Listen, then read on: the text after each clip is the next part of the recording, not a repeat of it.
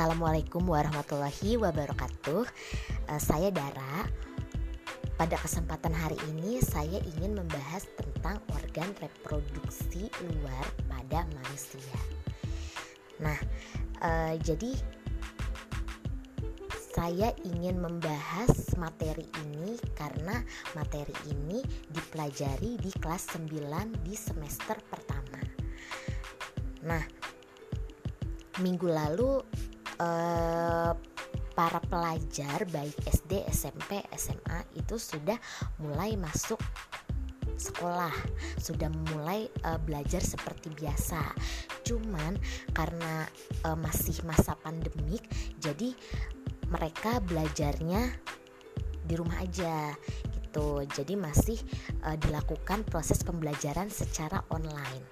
Nah, pada kesempatan hari ini saya ingin membahas organ reproduksi luar uh, pada pria dan wanita. Sebelum masuk ke materi organ reproduksi, sebelumnya saya ingin menekankan di sini bahwasannya ketika kita mempelajari atau belajar tentang sistem reproduksi bukan berarti kita uh, sedang belajar atau membicarakan hal yang jorok-jorok. Tapi hal ini uh, merupakan sesuatu yang penting untuk dipelajari dan sangat penting untuk disampaikan. Kenapa? Karena hal ini berhubungan dengan kesehatan uh, para pria dan wanita khususnya uh, para siswa siswi SMP yang ada di seluruh dunia.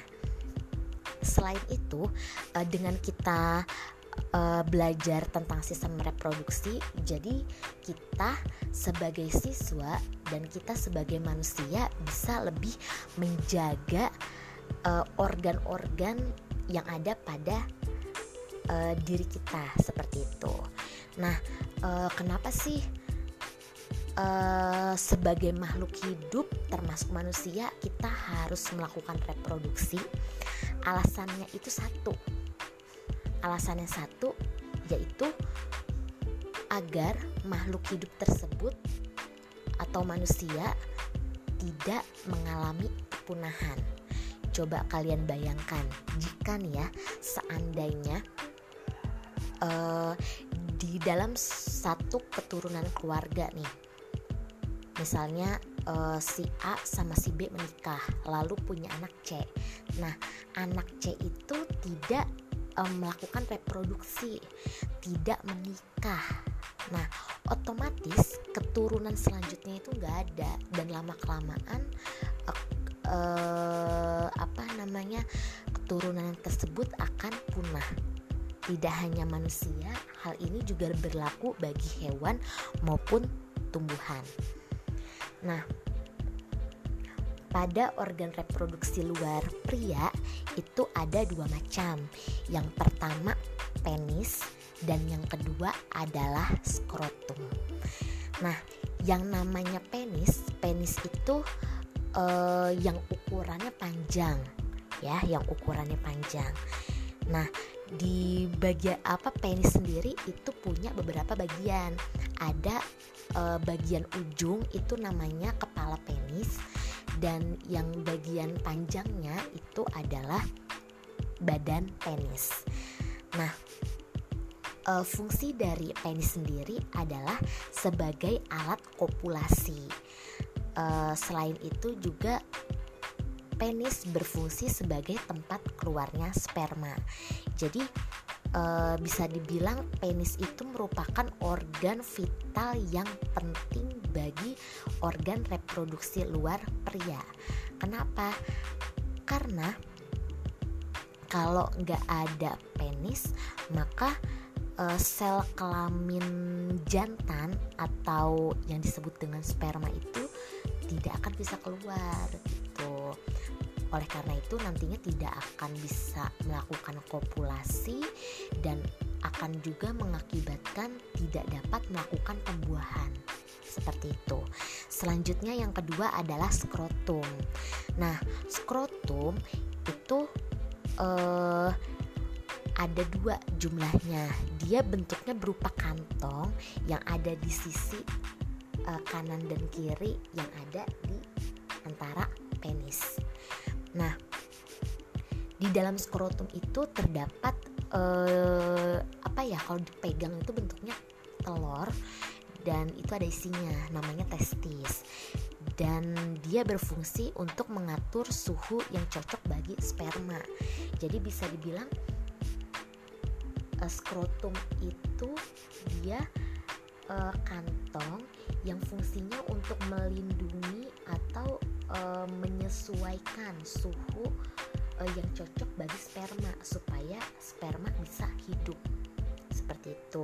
Jadi sperma itu uh, dia cuma bisa hidup di uh, tempat atau pada suhu yang hangat.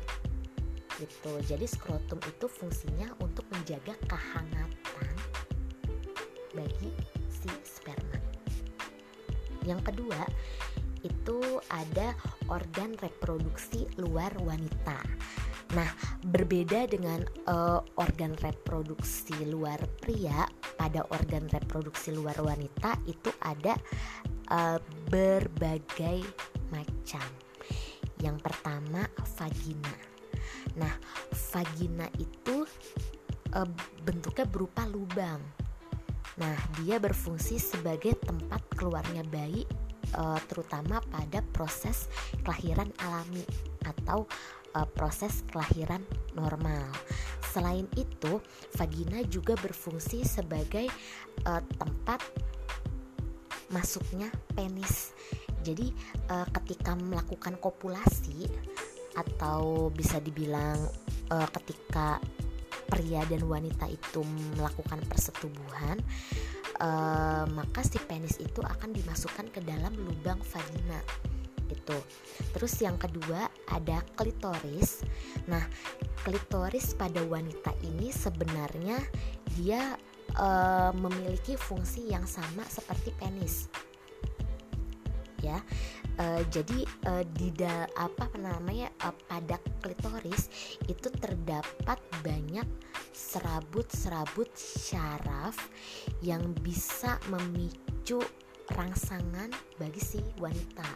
Jadi kalau pada pria rangsangannya itu adanya di penis, sedangkan kalau pada wanita adanya di klitoris. Selain itu, klitoris juga berfungsi sebagai tempat terjadinya ereksi bagi wanita. Itu ereksi itu e, semacam keluarnya cairan dari dalam e, reproduksi wanita itu sendiri. Seperti itu. Selanjutnya yang ketiga adalah labia mayor. Jadi labia mayor itu kalau misalnya kita e, lihat strukturnya langsung pada organ reproduksi wanita, labia mayor itu uh, berupa lipatan, lipatan yang ukurannya besar. Jadi kalau pada organ reproduksi luar wanita itu ada beberapa lipatan. Ada lipatan yang ukurannya besar dan ada lipatan yang ukurannya kecil. Nah, uh, lipatan yang ukurannya besar itu disebut juga dengan labia mayor, sedangkan kalau lipatan yang kecil itu disebut juga dengan labia minor. Nah, labia mayor itu sendiri dia uh, berfungsi untuk melindungi organ internal vagina dan mencegah membukanya vagina uh, selain pada saat uh, si wanita ini melakukan kopulasi gitu. Jadi uh, labia mayor berfungsi agar vagina tidak terbuka kecuali ketika melakukan kopulasi. Selanjutnya uh, yang terakhir adalah labia minor. Nah, labia minor itu kan lokasinya di dalam lebih di dalam daripada labia minor eh daripada labia mayor. Karena labia minor itu ukuran lipatannya itu yang lebih kecil seperti itu. Dan dia berfungsi untuk melindungi vagina dari benda kecil yang bisa masuk ke saluran kemih wanita. Nah, uh, ketika si wanita dan pria itu sedang melakukan kopulasi, biasanya uh, nanti si wanitanya itu akan mengeluarkan cairan uh, yang biasa disebut pelumas. Nah, pelumas itu sebenarnya dihasilkan dari jaringan yang ada di labia minor. Nah, fungsi dari pelumas itu sendiri sebenarnya untuk mengurangi uh, gesekan sebagai pelumas uh, yang apa namanya gesekan yang terjadi saat sedang melakukan kopulasi gitu.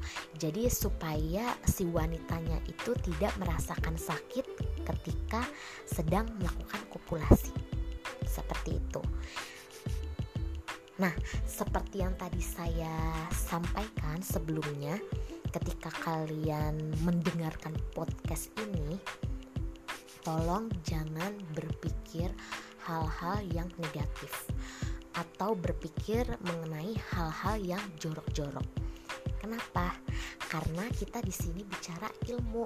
Kita bicara tentang ilmu reproduksi. Itu tujuannya yaitu tadi agar kalian bisa menjaga uh, kesehatan organ reproduksi kalian dan untuk menjaga harga diri kalian uh, sebagai pria maupun wanita agar tidak terjadi hal-hal yang tidak diinginkan terutama uh, seks bebas. Seperti itu. Jika ada pertanyaan mengenai organ reproduksi luar pria maupun wanita silahkan kalian uh, email saya ke daraherdiati@gmail.com atau bisa langsung hubungi saya melalui chat WA.